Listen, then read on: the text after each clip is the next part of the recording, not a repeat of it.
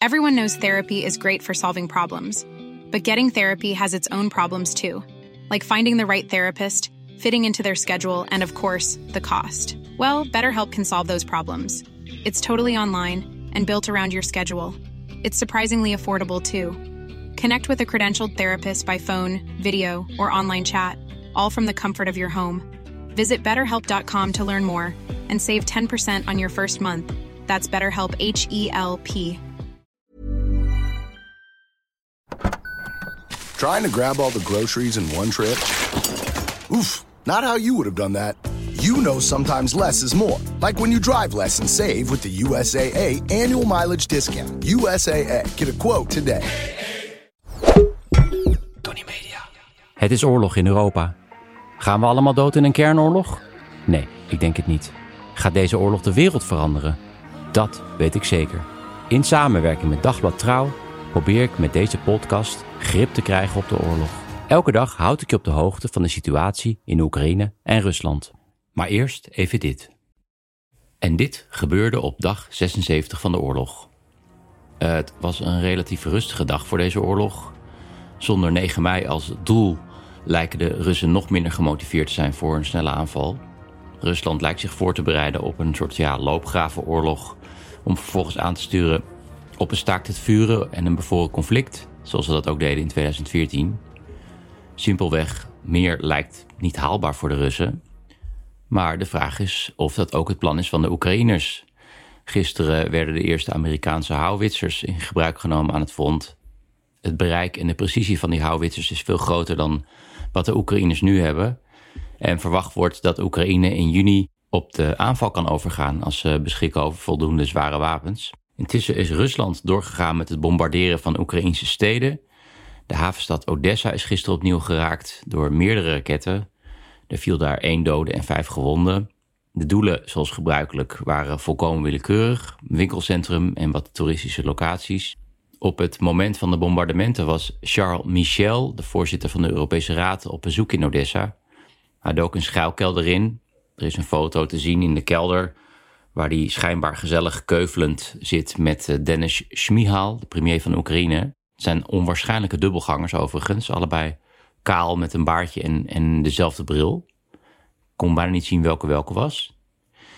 In Polen is de Russische ambassadeur met nepbloed besmeurd.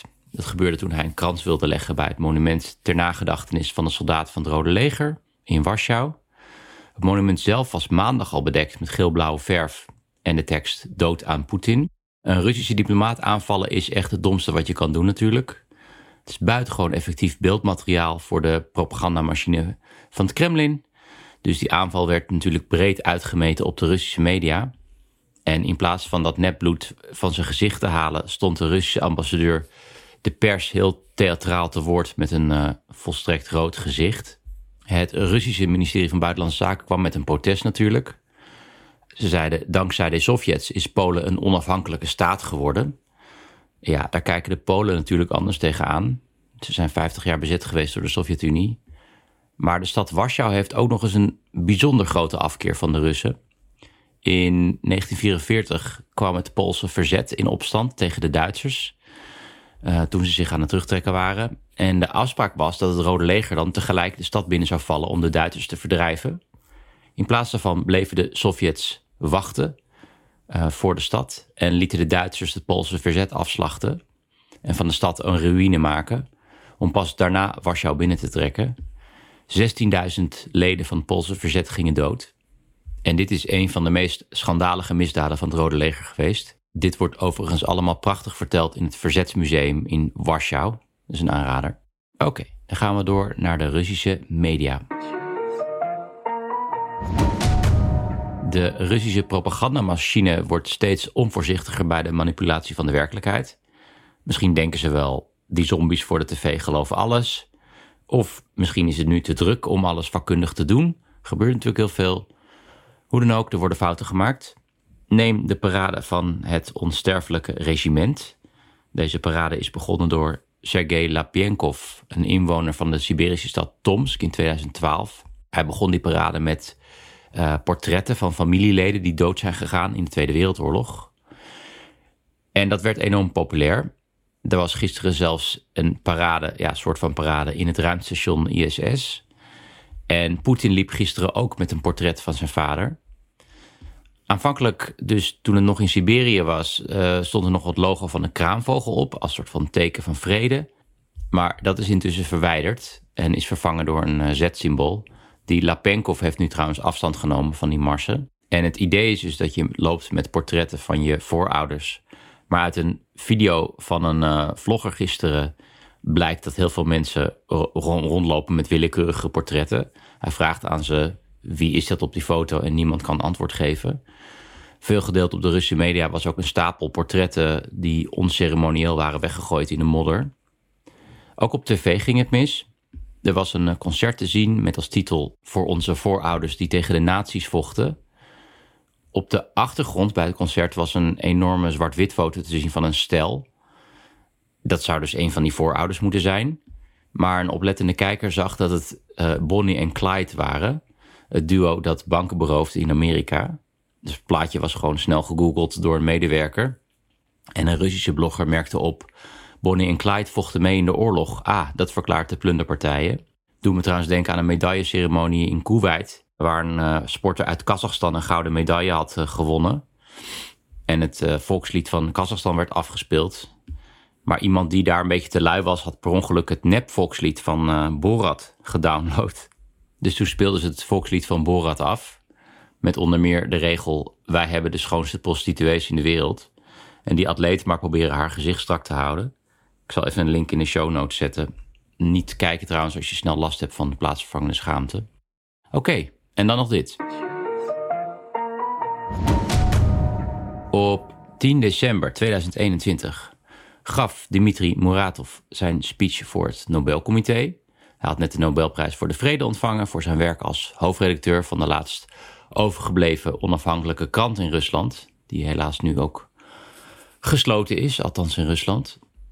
En in zijn speech, maanden voordat deze oorlog begon, zei Muratov: De Russische autoriteiten bereiden al jaren de bevolking voor op oorlog. Mensen raken gewend aan de mogelijkheid ervan. Hij doelde daarbij op een eh, nieuw programma van het Kremlin met de naam Patriotische Educatie, programma ter waarde van 175 miljoen euro, met als doel uh, het formeren van een jeugdleger, een soort ja, Poetin-jugend, van 600.000 jonge soldaatjes vanaf acht jaar oud. Dit idee staat niet op zichzelf, maar maakt onderdeel uit van een langere traditie van militarisering van de Russische samenleving, die helemaal teruggaat naar de Sovjet-tijd. Ik baseer mijn info hier voor een groot deel op een stuk van Anton Trajanovsky, tot voor kort correspondent in Moskou voor New York Times, sowieso een geweldige journalist. Ik zal een link naar het stuk in de show notes zetten als cadeau. Dan hoef je, als het goed is, niet eh, in te loggen. Dag in dag uit worden Russen doodgegooid op tv. Dat het land omringd is door de NAVO en dat elk moment oorlog uit kan breken. Ehm, ook dus voordat daadwerkelijk oorlog was. Of zoals de Russen het noemen, speciale militaire operatie. En dat op een gegeven moment een beroep op mensen zal worden gedaan om hun land te verdedigen. Uh, vandaar ook het grote belang van trouwens die 9 mei-viering gisteren.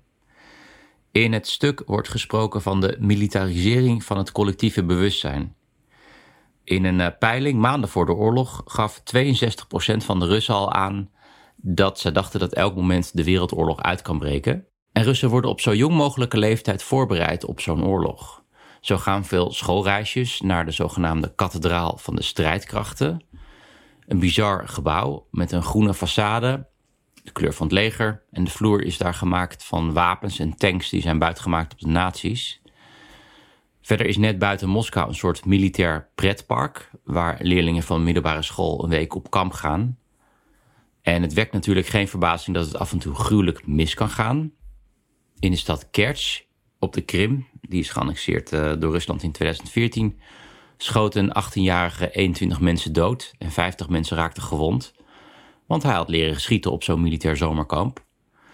Ook kinderen die aanraking zijn geweest met de politie worden naar militaire re-educatiekampen gestuurd, zoals ze dan heten. En ook op scholen verschijnt regelmatig iemand uit het leger en geeft dan les. Die vertelt bijvoorbeeld over de verschillende wapens die er zijn en hoe je die gebruikt. Bijvoorbeeld hoe je een granaat gooit.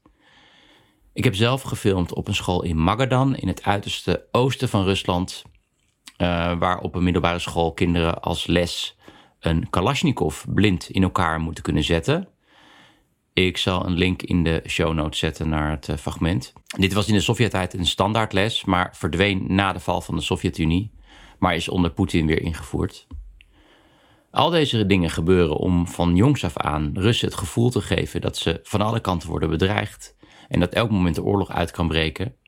En samen met het gif van die Russische tv is het een hele gevaarlijke combinatie. En ik denk, ook al valt dat regime van Poetin in elkaar, dat zou nog best eens kunnen, wie weet, dan kan het nog een hele generatie duren voor die mentaliteit met alle gevaren die het brengt is verdwenen. Dat was het voor vandaag. We zoeken nog nieuwe sponsors voor deze podcast. Bedrijven kunnen een mail sturen naar adverteren@tonymedia.nl en Tony is met een Y. En ik ben er weer morgen. Dit was een productie van Tony Media en Dagblad Trouw. Voor meer verdieping ga naar trouw.nl. Ik heb geen idee waar je naar geluisterd hebt, maar misschien een goede tip om nog meer tijd te vermorsen. Luister eens een keer naar de Snopcast, waarin ik, Jort Kelder en mijn goede vriend Ivo van Rechteren Altena alles bespreken wat het leven draaglijk maakt zonder enig praktisch nut. Met uiterst overbodige snobjecten als ja, een machientje om je tandpasta uit te rollen, een ski natuurlijk van Bentley of een Kashmir springtaal. Jazeker, de Snopcast. Omdat je het waard bent.